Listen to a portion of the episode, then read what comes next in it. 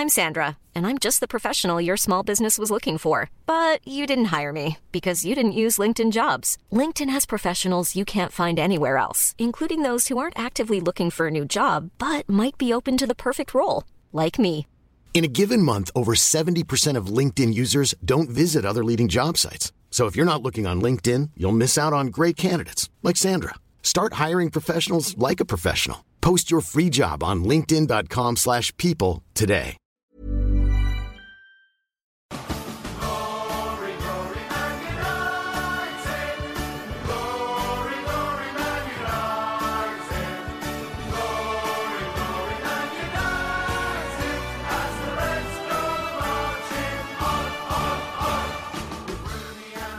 Selamat datang di Ganteng-Ganteng Manchester United Podcast. Nah, dalam episode kali ini kita berdua, eh, ada gua Saung dan juga ada Kemalvin ya.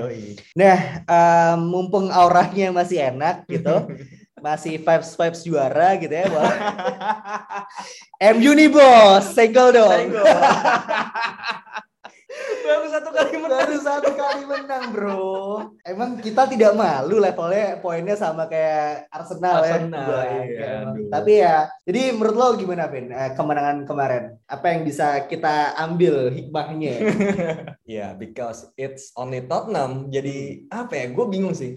Karena kemarin kita lawan Villa kalah. Betul. Ya kan? Lawan Betul. Atalanta, lawan Villarreal kita menang menang sulit lah. Terus Iya. kemudian dibantai Liverpool, terus kita lawan Tottenham dan kita bisa menang. Itu tuh aneh gitu. Kenapa Iya, Tottenham ini malah menghentikan rekor buruk kita gitu.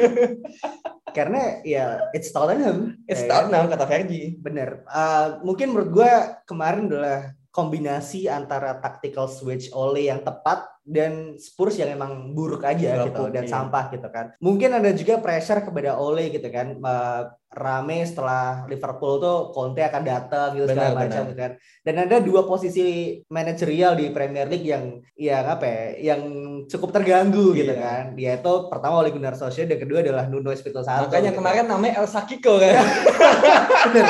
Makanya kemarin El Sakiko gitu dan dan oleh secara apa ya secara surprisingly dia menggunakan formasi Conte ya Benar. kan tiga lima dua Tiga lima dua ya. karena mungkin dia tahu gitu ya dia akan digantikan gitu ya, secara langsung akan digantikan oleh Conte tapi dengan kemenangan ini dia menciptakan posisi lowongan pekerjaan untuk Conte gitu kan karena eh, ketika kita take sekarang barusan ada berita bahwa Nuno Espirito Santo dipecat Betul. oleh Spurs dan rumornya Conte yang akan menggantikan. Gantikan iya. Jadi kayak pupus harapan kita ya. Pupus. para oleh out ini kecewa nih. Kok malah ke Spurs nih? Tahu gini mending kalah aja kemarin. Karena Betul. kayaknya kalau misalnya mungkin lawan Spurs kemarin MU kalah, mungkin oleh bakal dipecat. Dan Betul. Conte yang mungkin bakal masuk. Hmm. Jadi emang penentuannya kemarin El Sakiko kemarin. Sakiko, betul. Apakah Nuno akan ke United? Kayak sepertinya tidak mungkin. Jangan ya, mending jangan deh. Betul. Jadi gue pengen bicara tentang formasi sih sebenarnya. Hmm. 352 ini sering uh, bukan sering sih. Uh, beberapa kali kita pernah lihat gitu ya Hmm. lawan Leipzig yang kita kalah lawan Leipzig kalau nggak salah pakai 352 Betul, betul. terakhir dan ada beberapa match yang mungkin sangat apa ya, menjadi penentu gitu lah seperti lawan Paris Saint Germain kan kita pakai 352 juga Iya, iya benar. jadi apa pendapat lo dengan dua striker di depan uh, Ronaldo dan Cavani dan Mhm. di tengahnya ada Bruno Fernandes gitu cuman kita harus meninggalkan beberapa pemain-pemain yang mungkin di awal musim kita tuh tahu kalau kekuatan kita tuh di winger nih Iya, ya kan iya, iya. ada Rashford ada Sancho ada Martial mungkin maybe Mason gitu. juga bisa di Mason situ. Greenwood gitu. Mereka harus ditinggalkan di bench gitu. Jadi titik serang kita tuh malah dari wingback gitu. Betul, betul. Luke Shaw ya menurut gua so-so sih gitu. Iya. Cuman Aaron Wan Bisaka menunjukkan kualitasnya menurut gua gitu, Iya, iya. sebagai Mhm. right wingback gitu. Dan ini menurut lo seperti apa? Apakah ini akan menjadi hal yang positif gitu kan atau menjadi hal negatif? Sebenarnya kemarin pas gua lihat line up agak kaget ya, karena eh, seperti yang kita tahu terakhir kali oleh pakai formasi 352 itu Hmm. benar yang lu bilang pas kita kalah lawan Leipzig 3-2 di eh, pertandingan terakhir UCL Iya. kan. Dan itu ternyata nggak bekerja men di babak pertama. Makanya di babak kedua langsung diganti tuh Alex Telles di eh, LWB diganti Luke Shaw, Hmm. diganti sama eh, mungkin penyerang atau gelandang dan formasi ganti lagi jadi 4-2-3-1 dan itu lebih baik permainannya. Jadi gua merasa dan kayak kita juga merasa bahwa kayaknya setelah pertandingan itu Oleh nggak akan kembali ke 352 Iya, Iya kan?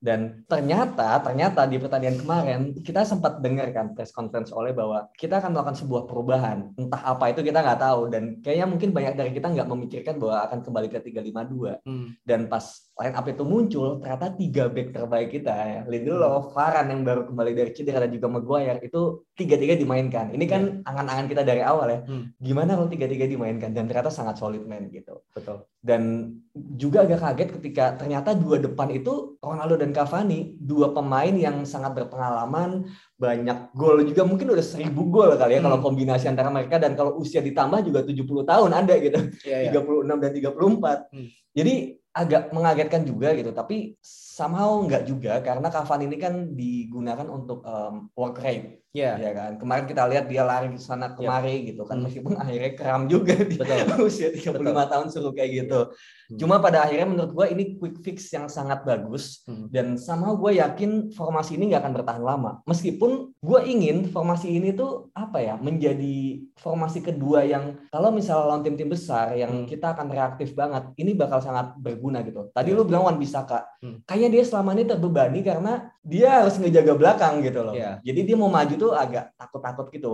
Hmm. Kita lihat kemarin dia maju kayak tanpa beban kan. Wow, udah kayak yeah. Iya. kereta api gitu. Betul. Walaupun yeah. crossingnya mungkin masih masih begitu ya. ya. Ronaldo yeah. kayak bingung ini crossing Betul. ke mana nih orang.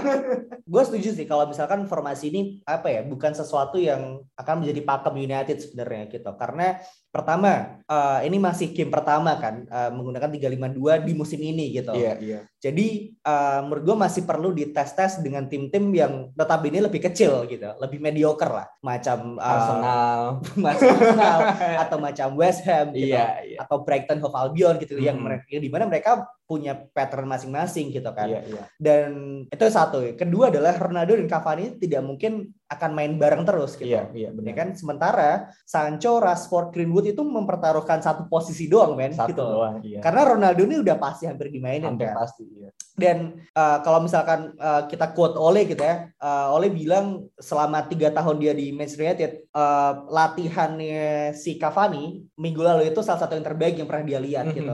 Which is harusnya gue sebagai pemain muda sih, gue harusnya tersinggung sih kan. Karena apa? Karena uh, ini pemain udah udah 33 34 tahun iya, gitu iya, dan iya. dia masih bisa memberikan yang seperti itu gitu. Dan sebenarnya dia udah gak mau main lagi kan. Dia Betul. mau balik mau pulang kampung. Dia mau pulang kampung ke Uruguay gitu iya. loh dan dia bahkan merelakan nomor punggungnya untuk Ronaldo kembali iya, gitu. Iya. Which is kalau misalkan gue jadi Cavani ya, gue akan collect pay, my paycheck aja gitu. Tapi nyatanya dia bisa membuktikan bahwa dia menjadi pemain yang bisa menjadi contoh bagi pemain-pemain di apa ya di squad itu gitu. Itu yang kedua hmm. gitu. Dan 352 ini itu sebenarnya adalah obat terakhir menurut gue.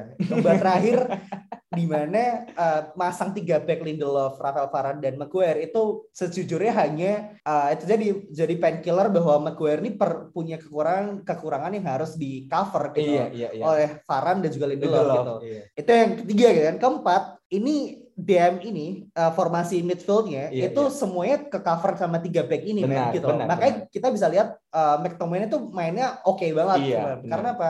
Karena dia tidak punya beban harus menjaga back di belakangnya iya, gitu. karena udah tiga. Betul. Fred pun juga kayaknya mainnya juga tanpa beban juga kan. Betul. Iya, betul. Iya. Makanya gue cukup kaget ketika uh, kalau nggak salah Fred, Maguire dan Luke Shaw itu udah punya kartu kuning tapi nggak diganti sama sekali kan sama si Ole gitu. Iya, karena iya, apa? Iya. Karena emang formasinya ya berputar di pemain-pemain itu gitu loh. Gue sebenarnya berharap Doni main sebenarnya. Gitu. Cuman uh, itu tadi gitu. Setelah menang 3-0, internet mulai rame gitu. Iya. Uh, bahkan ramenya kalau misalnya kita uh, lihat apa ya match-match yang lain gitu kan City kalah City ya kan? kalah 2-0. Liverpool imbang 2-2. Mm-hmm. Juventus kalah. Tapi yang rame tetap Manchester United ya. gitu. Rame kenapa? Oh, gimana nih? Oleh pakai 352 tapi Sancho nggak main, ya kan? Doni nggak main, Greenwood nggak main gitu. Such a waste gitu ya. Such a waste gitu.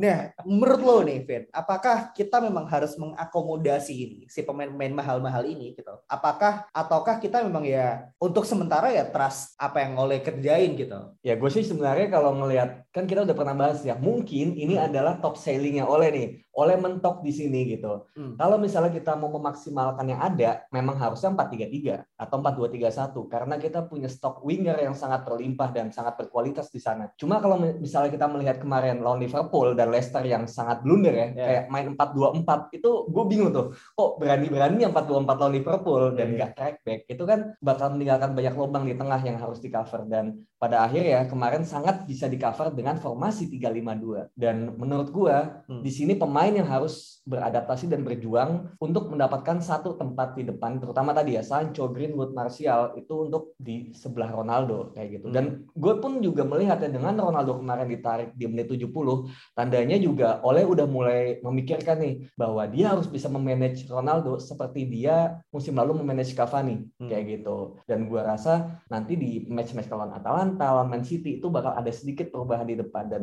kalau pertanyaan lu adalah um, apa tadi enggak uh, apakah kita harus mengakomodasi oh iya iya si pemain-pemain ini oh gitu? enggak enggak enggak enggak gue gue kemarin uh, sempat nge-tweet juga pakai akun pribadi bahwa kalau misalnya ternyata jangan-jangan ini adalah pendekatan terbaik MU gitu loh yeah. untuk squad yang ada dan untuk Ole gitu. unfortunately gitu. ya ya gue gue nggak mau kayak gimana ya kayak Ole emang favoritnya adalah empat dua tiga satu hmm. tapi ternyata di balik itu MU punya banyak kelemahan kalau pakai itu gitu. Dan Oleh harus belajar menerima kenyataan bahwa formasi yang terbaik lu tuh tiga empat satu dua iya. gitu loh. Dan it's okay pada akhirnya pemain-pemain yang waste itu ya harus berjuang. Itu itu mau nggak mau. Dan mungkin harus ada yang pergi. Mungkin yeah. Martial Cavani pun musim musim depan bakal pergi. Berarti kan slot udah mulai berkurang dong gitu. Hmm. paling ya kayak Van de Beek aja. Gue nggak tahu dia bakal lebih ke depan atau ke belakang gitu. Iya. Yeah. ini uh, tadi sempat udah lu bahas ya bahwa dia undroppable nih seperti ya di di, di form formasi ini nih tiga empat satu dua. Menurut lu pantas nggak kemarin tuh dia mendapat man of the match? Tapi emang menurut gue sih pantas. Kemarin tuh dia the real box to box. Pantas, pantas karena apa? Karena uh, gue tahu McTominay itu memang seperti itu mainnya sebenarnya gitu kan. Mainnya memang seperti itu dan melihat dia sebagai single DM gitu. Mungkin di episode-episode sebelumnya gue pernah mention coba deh McTominay sebagai single DM gitu. Mm -hmm. Ternyata tidak benar bisa dengan baik gitu ya. Jadi memang dia memang box to box gitu. Yeah. Dan ini uh, eh, gue harap oleh terbuka matanya gitu ya. Walaupun gue yakin dia sudah tahu sebenarnya kalau uh, McTominay itu box to box. Cuman dengan itu tadi dengan formasi yang tepat, dia bisa mengakomodasi pemain-pemain yang memang punya kemampuan di situ gitu loh. Iya, iya, iya. Gak kayak kalau misalkan, oh gue punya pemain saya banyak nih gitu. Oke lah gue pakai 4-2-3-1 gitu. Mm -hmm. Cuman kalau misalnya kita dibantai-bantai mulu kayak sama nah. Leicester, sama Liverpool ya buat apa gitu kan. Kalau misalkan harus dengan 3-5-2 ya so be it gitu. 3-5-2 iya, benar, aja benar, gitu. Benar. Kita lihat tuh hell lah seperti apa gitu ya di Chelsea gitu. Dia bodoh amat sama siapa pemain yang akan defense gitu. Benar. Dan kalau misalnya kita uh, lihat Chelsea sekarang, goal contribution defend defendernya itu lebih baik daripada attacking passingnya men hmm iya, iya gitu benar, dan benar. Dan dia uh, cuma kebobolan tiga gol kalau salah musim yeah, ini yeah, gitu. yeah. dan itu sangat sangat solid gitu. Uh, sepak bola kan udah sangat sangat berubah gitu dalam 10 10 tahun terakhir gitu. Oleh sempat bilang di interview terakhirnya bahwa uh, oke okay, gue nggak akan membiarkan uh, 15 18 tahun gue di Manchester United ini akan dijudge seperti itu aja gitu dengan performa beberapa minggu terakhir gitu. Cuman yang harus oleh tahu adalah sepak bola itu berkembang gitu. Bahkan yeah, yeah. Sir Alex Ferguson pun harus beradaptasi gitu dengan uh, Mourinho seperti yang datang gitu kan Wenger dengan juga. Wenger gitu dengan uh, second comingnya Mourinho gitu. Iya, iya, jadi uh-huh. apa ya tactical switch ini bukan sesuatu yang tabu gitu benar gitu benar benar. Jadi gue uh, gue seneng gitu melihat 352 karena apa? Karena di episode sebelumnya gue sempat mention kan kalau misalkan oleh masih menggunakan taktik yang sama pemain yang sama berarti dia nggak belajar gitu. Iya iya. Ini menurut gue adalah one step forward. Gue juga setuju bahwa ya oleh oke okay, dia belajar. Cuma yang gue kesel ada kenapa kelamaan gitu loh. Kenapa kelamaan dia mengganti taktikalnya itu. Padahal kita melawan Atalanta, lawan Villarreal, meskipun menang, itu kita udah banyak hole-nya gitu loh. Yeah. Ingat lawan Villarreal itu Diogo Dalo benar-benar diobok-obok. Hmm. Kemudian juga McTominay sebagai single DM ya pada saat itu juga nggak bisa berbuat banyak. Dan berapa kali kita harusnya itu kebobolan banyak kalau bukan karena David De Gea. Atalanta pun gitu, babak pertama kita buset itu bolongnya di mana-mana kan. Hmm. Jadi terus lawan Leicester juga itu udah Matic dan Pogba udah nggak bisa apa-apa di tengah. Kenapa nggak langsung diubah pas lawan Liverpool? Yeah. Malah dia menggunakan formasi yang sama gitu. Kenapa harus nunggu oleh nyaris dipecat dulu baru baru di apa ya? Iya itu tadi. Itu ya. kenapa? Yang gitu. oleh tuh waktu waktu serendah-rendahnya itu bisa ningkat lagi. itu itu gila sih. Gue ngerti apa yang oleh rencanakan ya. Eh, makanya dia dia tuh harus apa ya di posisi yang tidak aman dulu. Iya, tapi apakah kita sebagai fans bisa? Ya, gitu kan? itu dia. Nah itu dia gitu. Iya iya. Tapi gue sempat lihat uh, waktu uh, di Twitter gitu ya tadi siang. Jadi di Sky Sport dia bikin kayak semacam diagram gitu kan. Waktu mereka lagi pegang bola gitu, United lagi pegang bola, itu formasinya jadi tiga empat tiga men. Hmm. Tiga empat tiga dengan uh, Bruno tuh lebih lebih baik ke sayap gitu. Tapi waktu out of position itu jadi lima tiga dua gitu. Iya iya. iya. Which is sebenarnya oleh tuh underrated gitu sebagai tactical ya. Cuman memang gue ngerti apa ya apakah dia ada pressure dari board atau dari media gitu bahwa dia punya pemain ini itu ini itu segala macam gitu dan dia harus memainkan formasi yang menurut dia adalah formasi yang tepat gitu, Iya, iya. empat dua tiga satu atau akhirnya dia sadar bahwa itu adalah formasi yang tidak tepat. Gitu, Iya kan. iya itu. Makanya itu tadi 352 ini adalah approach yang yang saat ini sangat tepat. Benar benar benar. Benar sih kayak gue juga mikir Hmm. kalau ngelihat perubahan ya kita selama ini kemudian kemarin Tottenham sebenarnya oleh itu ya nggak bego gitu loh. Hmm. Cuma apa ya mungkin ada hal-hal yang kayak dia masih keras kepala kayak 4-2-3-1 pasti bisa. Meskipun udah kalah lawan Leicester, kalah lawan um, terekspos lawan Villarreal dan Atalanta, tetap dia merasa Oh, yakin iya. bisa. Tapi nggak ada dasarnya kenapa bisa gitu loh kayak sama dia terlalu yakin dengan uh, filosofinya dengan dengan um, rencananya gitu meskipun hasilnya udah tidak berpihak ke dia gitu sampai pada akhirnya pressure adalah pemecatan Ya. akhirnya dia oke lah melunak dan mau untuk mengganti formasi dan berhasil ini menurut gua sebuah gambaran bahwa sebenarnya ya tim kepelatihan itu sebenarnya nggak bego-bego banget Hmm. oleh juga nggak sebego itu kan kita pernah uh, mengkritik ya bahwa Hmm. kayak tim kepelatihan MU ini nggak bisa apa-apa gitu kan Hmm. Mike Villan, Kieran iya. McKenna ini kayak apa yang lu lakuin gitu kan Iya, ternyata iya, ya mereka bisa cuma sama ya itu mungkin emang dari kepalanya dari olehnya Hmm. yang masih stubborn untuk ya pokoknya gimana caranya 4 2 3 1 harus berhasil gitu. Iya, mungkin karena dia mikir anjing gue pakai Igalo ya bisa loh. Kenapa pakai Cavani dan Ronaldo nggak bisa kan? Mungkin dia berpikir seperti itu gitu. Cuman ya itu tadi gitu. Mungkin pergantian satu atau dua personal itu ya memper- mempengaruhi formasi emang sebegitunya. Iya gitu benar kan. benar. Cuma kalau misalnya kita ngomongin tentang uh, pergantian personel ya, kemarin ada satu pemain yang tidak bermain, yaitu Paul Pogba. Menurut lo dan dan dan di Twitter banyak yang bilang Hmm. kayaknya MU main lebih bagus tanpa Pogba deh. Gimana menurut lo? Gua setuju. Ini mungkin unpopular opinion ya. Oke, Cuman oke. gua setuju bahwa United main lebih bagus tanpa Paul Pogba. Oke. gue nggak ngerti sih kenapa gitu ya mungkin karena apa ya mungkin gue ngerti juga sih mungkin karena uh, secara uh, formasi atau secara personel mereka lebih mudah diatur daripada Paul Pogba gitu ya mungkin cuman uh, setelah Paul Pogba uh, sembuh dari cederanya gitu which is kalau nggak salah pertengahan musim lalu kan itu permainan MU yang sebelumnya oke jadi agak menurun gitu tapi itu menurut gue doang sih Em, menurut gua Pogba itu ya itu tadi mungkin kita kan sering bilang bahwa lawan Liverpool, lawan Leicester itu pemain itu tidak disiplin dan posisinya ya kan banyak out of position. Hmm. Sedangkan kemarin lawan Tottenham kita melihat bahwa M itu mainnya sangat-sangat compact, rapat, jarak antar pemain dekat dan dan gak ada yang out of position gitu. Hmm. Semua dan kalaupun pressing sekali itu mereka as unit kayak langsung ngerubungin. Ada ada ada tuh gambarnya gue lihat ketika siapa ya mungkin Emerson Royal ya eh, bek kanannya Spurs itu pegang bola itu empat pemain MU langsung ngerubungin gitu. Hmm. Itu benar-benar pressing as unit, bukan pressing kayak pas lawan Liverpool yang Bruno lari sendirian ngejar ke Alisson tapi belakangnya diem baik gitu kan. Menurut gua itu yang harus dilakukan dan bisa gitu. Hmm. Kenapa baru sekarang gitu loh? Kenapa baru diajarin sekarang kan kan itu kan pertanyaannya gitu. Cuma pada akhirnya menurut gua ini memang da- em, tiga back ini memberikan double protection kepada gelandang dan juga kepada wing back yang mana harusnya bakal dimainkan lagi sih. yang PR adalah ketika salah satu dari tiga back itu cedera pak Iya, cuma cuma sebenarnya gue udah mikir sih, em, ketika kita melihat Luke Shaw bisa main di LCB, Hmm. nah harusnya bisa tuh, harusnya ya. Shaw balik eh, ke LCB, nah Teles baru di LWP Iya, Tapi gue sempat lihat juga eh, apa Aaron Bisaka tuh bisa RCB katanya gitu. Banyak yang bilang kayak oh this is why Aaron Wan Bisaka should be RCB gitu. Iya. Banyak orang lain bilang seperti itu gitu. Mm-mm. Cuman kalau dia di RCB, siapa di RBP kalau gitu? Dia Kita, lah. Oh, iya, juga sih. Cuman Udah, uh, uh, Diego Dalot mungkin oke secara uh, ofensif iya. dia cukup oke gitu ya. Hmm. Cuman apakah secara defensif dia Karena Dewan bisa kak belakangnya.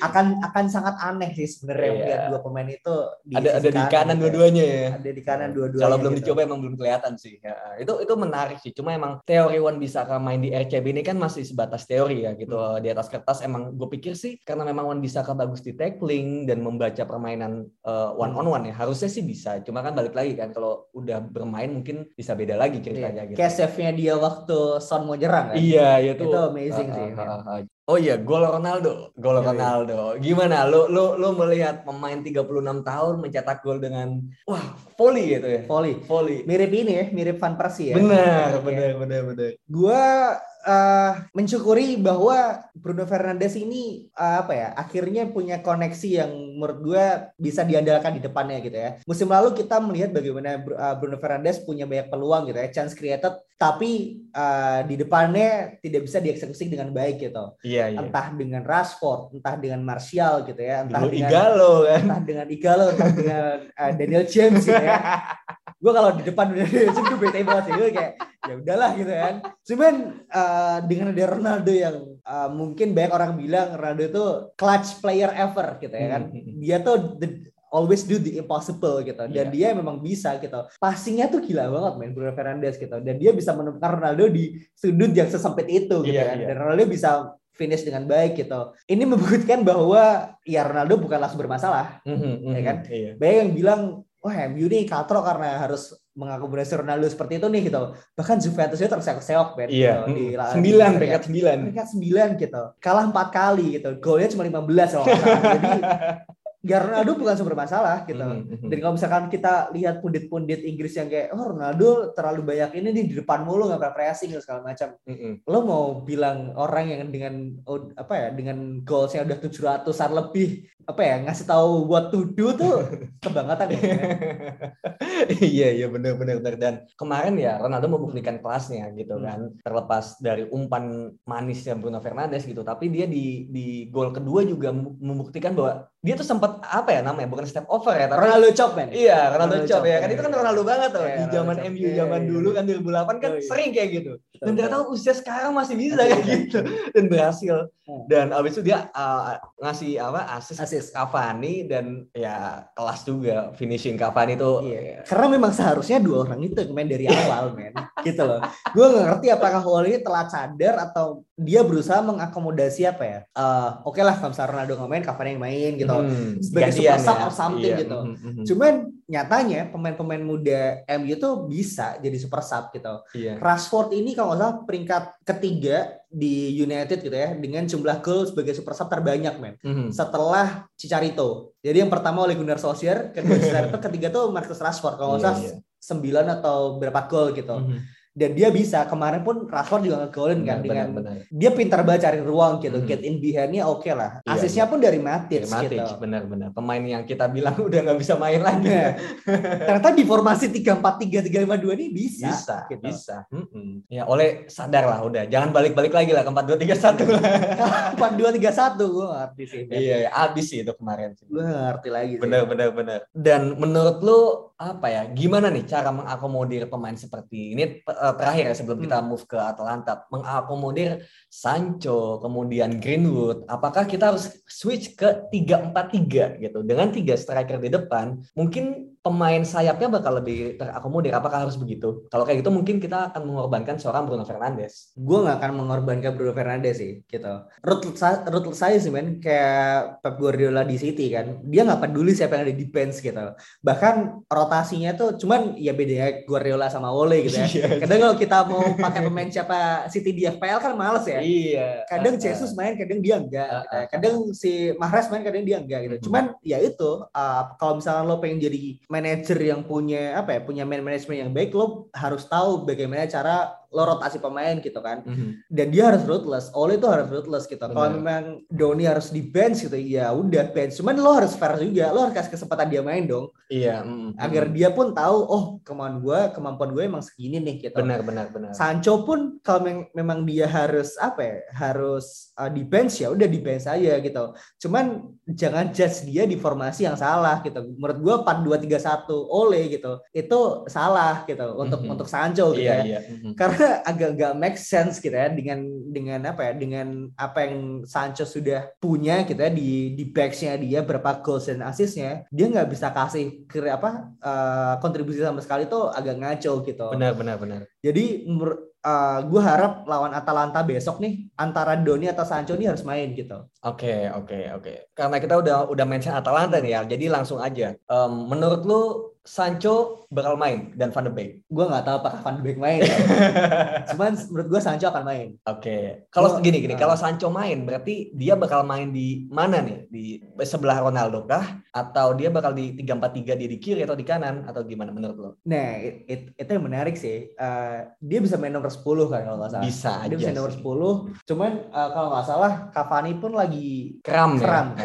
Kan? Lama banget kramnya masih nah, kalau gue jadi oleh mungkin gue akan mengistirahatkan Cavani, Cavani gitu benar. di buat City ya. buat City betul cuman ya itu tadi apakah Ka, uh, Sancho akan main dari menit awal atau enggak itu gue nggak tahu sih mungkin Rashford sih yang akan main Rashford yang bakal main hmm. ya gue gue setuju sih kayaknya melihat cameo Rashford kemarin ya yang langsung memberikan impact dan juga satu gol kayaknya gue masih melihat Rashford sih yang bakal bermain gitu um, daripada Sancho gitu. Dan mungkin Sancho yang bakal menjadi cameo nanti di babak kedua kalau misalnya MU sudah unggul jauh semoga ya atau misalnya butuh gol lagi okay. gitu akhirnya memberikan sebuah uh, perubahan gitu. Hmm. tapi kalau Martial gue masih masih jauh sih kayaknya gitu. Greenwood pun kayaknya belum gitu. Kayak somehow gue melihat Greenwood sama Ronaldo ini kayak air dan api gitu yeah, yeah, yeah nggak iya, nggak iya. sama nggak bisa nyatu gak aja sinkron. gitu loh nggak sinkron gak mungkin sinkron. ya need time sih hmm. menurut gue gitu buat mereka bisa ini kayak kayak sama-sama ingin mencetak gol gitu loh okay. Yep. kayak gitu. Dan untuk tengahnya hmm. Pogba pasti main dan salah satunya kemungkinan bukan Matic sih gitu. Okay. um, tetap antara Fred atau McTominay tapi sama buat kayaknya Fred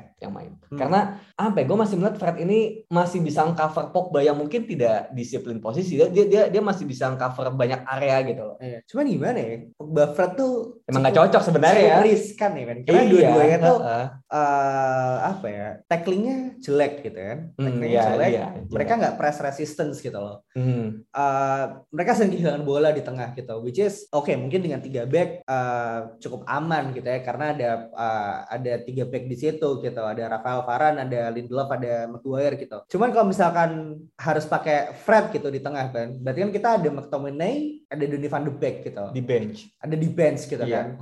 Kalau gue gue akan ganti Bruno Fernandes di menit mungkin 70 lah dengan asumsi udah menang ya udah menang gitu. iya kalau itu iya cuman kalau enggak nih what will happen kita men di di Twitter, di timeline segala macam gitu. Apakah ini udah kayak final nilnya Donny van de Beek atau seperti apa?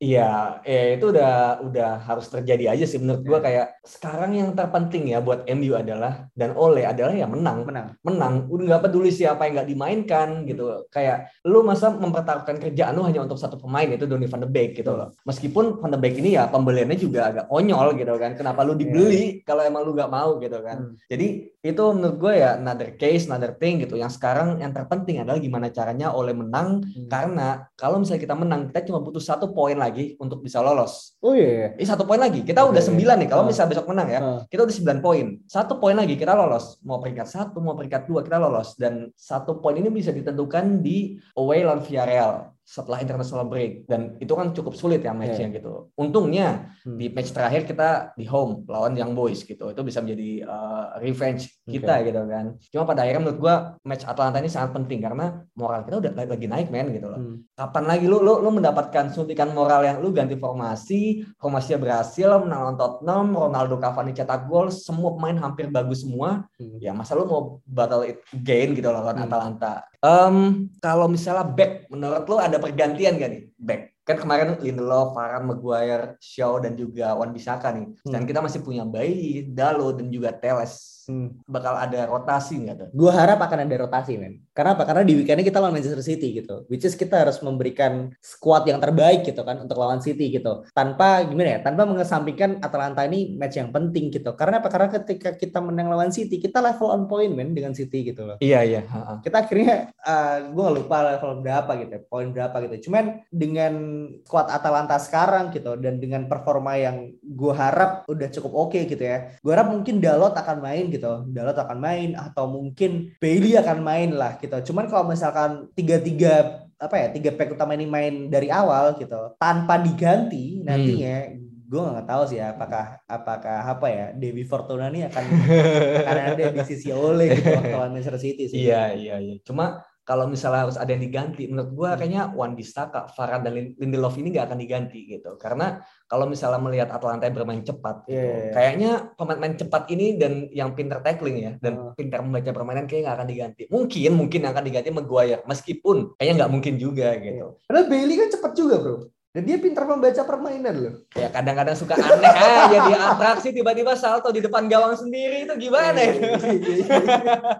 iya, gue malah lebih pingin teles sih gitu. Kayak iya, kemarin kemarin tuh dia sempat ngepost apa gitu, work harder atau apa, iya. tapi dia nggak dibawa bahkan ke bench. Iya, Kasian gue. Iya iya iya. Kayak dia Bener. dia tuh dia tuh cocok banget kalau jadi jadi left wing back. Bener. Lu bayangin kalau misalnya uh, ini Ole bisa memaksimalkan teles, dia bisa kayak Alonso atau Chilwell. Asli bro, dia crossing merchant banget. Crossing merchant atau tiba-tiba bisa di kotak penalti tinggal shoot shooting dia bagus Betul. lu lihat gol lawan Villarreal penalti lawan Villarreal juga pas di di apa uh, final hmm. dia tuh di Porto kan uh, free taker, Betul. penalty taker juga dia tuh bagus main di situ. Jadi lu harus bisa maksimalin dia. Sayang banget men dia udah usia 28 kan gitu. Oh. Jadi itu lagi peaknya dia. Betul sih. Dan dia uh, tipe asisnya kan bukan yang ini ya melempar bola ke kerumunan ya. tapi memang ke targetnya Target. gitu loh. Jadi memang asis gitu. Asis iya makanya. Yo yo. yo gue tuh Teles harus dikasih kesempatan sih gitu. Nanti kalau misalnya nggak berhasil ya udah hmm. Teles tarik show masukin asli. Tapi mungkin bisa jadi sih gitu. Mungkin Maguire akan di apa ya? Akan di bench gitu kan. Uh, Luke Shaw akan jadi left CB. Nah itu maksudnya. Yoi dan Teles akan jadi LBP gitu. Iya benar. Tapi kan ini asumsi kita. As gitu. Iya. Keinginan kita begitu ya. Kalau main game gampang ya. Cuman ya kita tidak tahu apa yang oleh rencanakan. Iya, gitu. iya. Nah, um, karena kita kemarin tuh pertama kali clean sheet ya setelah hmm. lawan apa ya? Uh, Newcastle kebobolan. Wolves. Wolves. Wolves. Wolves Itu iya. aja kita harusnya kebobolan berapa iya. ya kan kalau nggak karena David De Gea. Lu yakin nggak clean sheet? Somehow gue yakin clean sheet man. Karena tiga back. Karena tiga back. Oke. Okay. Cuman kalau misalkan dia main dua tiga satu lagi gue nggak kalau dia main tiga back, gue yakin clean sheet gitu. Karena yeah, uh, uh. Uh, pertama mental kan, mental udah naik gitu, mm -hmm. performa udah naik gitu, dan David Dea tidak bermain buruk gitu. Iya. Selama yeah. satu musim terakhir ini gitu, selama awal musim ini dia tidak bermain buruk sama benar, sekali benar, gitu. Benar. Bruno Fernandes sempat ngepost kan di Instagramnya uh, bahwa you deserve this clean sheet man gitu. Karena ya yeah, dia yeah. benar deserve gitu. Betul. dan kalau misalkan uh, apa ya dengan gue harap sih at least imbang lah sebenarnya gitu. Oh jangan lah. Menang lah. Harus iya kan harapan. Kita harus memasang ekspektasi sesudah mungkin kan di awal episode kan gue keluar keluar banget bos bangke gitu ya jadi gue tidak ingin mengulangi kesalahan yang oh, sama iya, iya, iya, betul jadi Iya tuh, gue harap harapan gue sih clean sheet gitu. Clean sheet ya. Berarti 0-0 nih kayaknya nih. 1-0 udah cukup sih, men. 1-0 okay, ya udah cukup. Uh, Gol Pogba lah. Gitu. Waduh gitu sih. Kalau lo gimana, men? Iya ya, uh, benar. Gua kalau tiga back harusnya bisa clean sheet ya. Asal asal balik lagi, nggak cuma asal tiga back, tapi permainannya juga sama kayak kemarin. Bermain yeah. compact, kemudian pressingnya juga terstruktur as unit gitu. Kalau dan dan um, Atlanta ini kan kayak Leeds-nya Italia, hmm. yang mana mereka suka out of position kalau defending dan juga um, markingnya tuh kadang-kadang suka man to man gitu loh. Jadi yeah. bakal banyak banget bolong di belakang. Yang kemarin kita babak kedua lawan Atlanta pun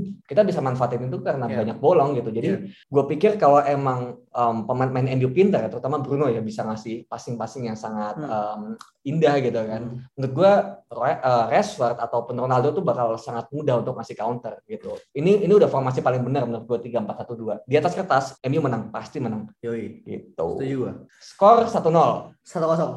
Oke. Gue ya dua nol bisa lah. Gue tiga nol deh. Iya. Kok di jumlah jadi naik ya?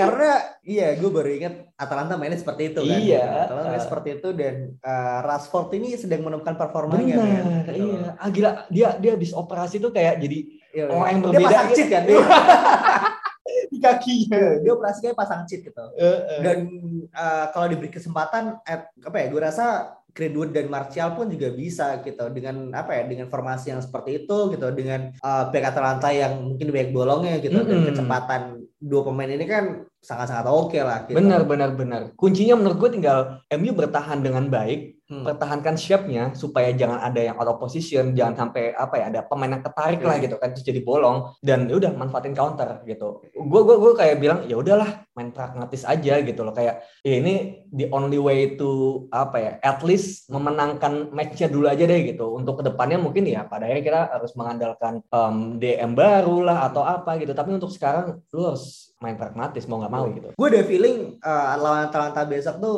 gol pertama Sancho sih men. Wah, berarti babak kedua dong golnya. Kayaknya sih. Waduh. Kayaknya sih itu. Iya iya iya. Oke deh kalau gitu karena kita semua sudah uh, optimis untuk kemenangan optimis, Atalanta insya Allah besok. ya bro. Hmm. Uh, ya kalian bisa tahu lah kalau misalnya kita berisik di Twitter ya berarti kita menang. Iya. Senggol dong bos. Senggol. Ya, Ya udah segitu aja buat episode kali ini dan semoga kita menang lawan Atalanta dan juga lawan Man City. Sampai ketemu di episode selanjutnya. Dadah. Bye.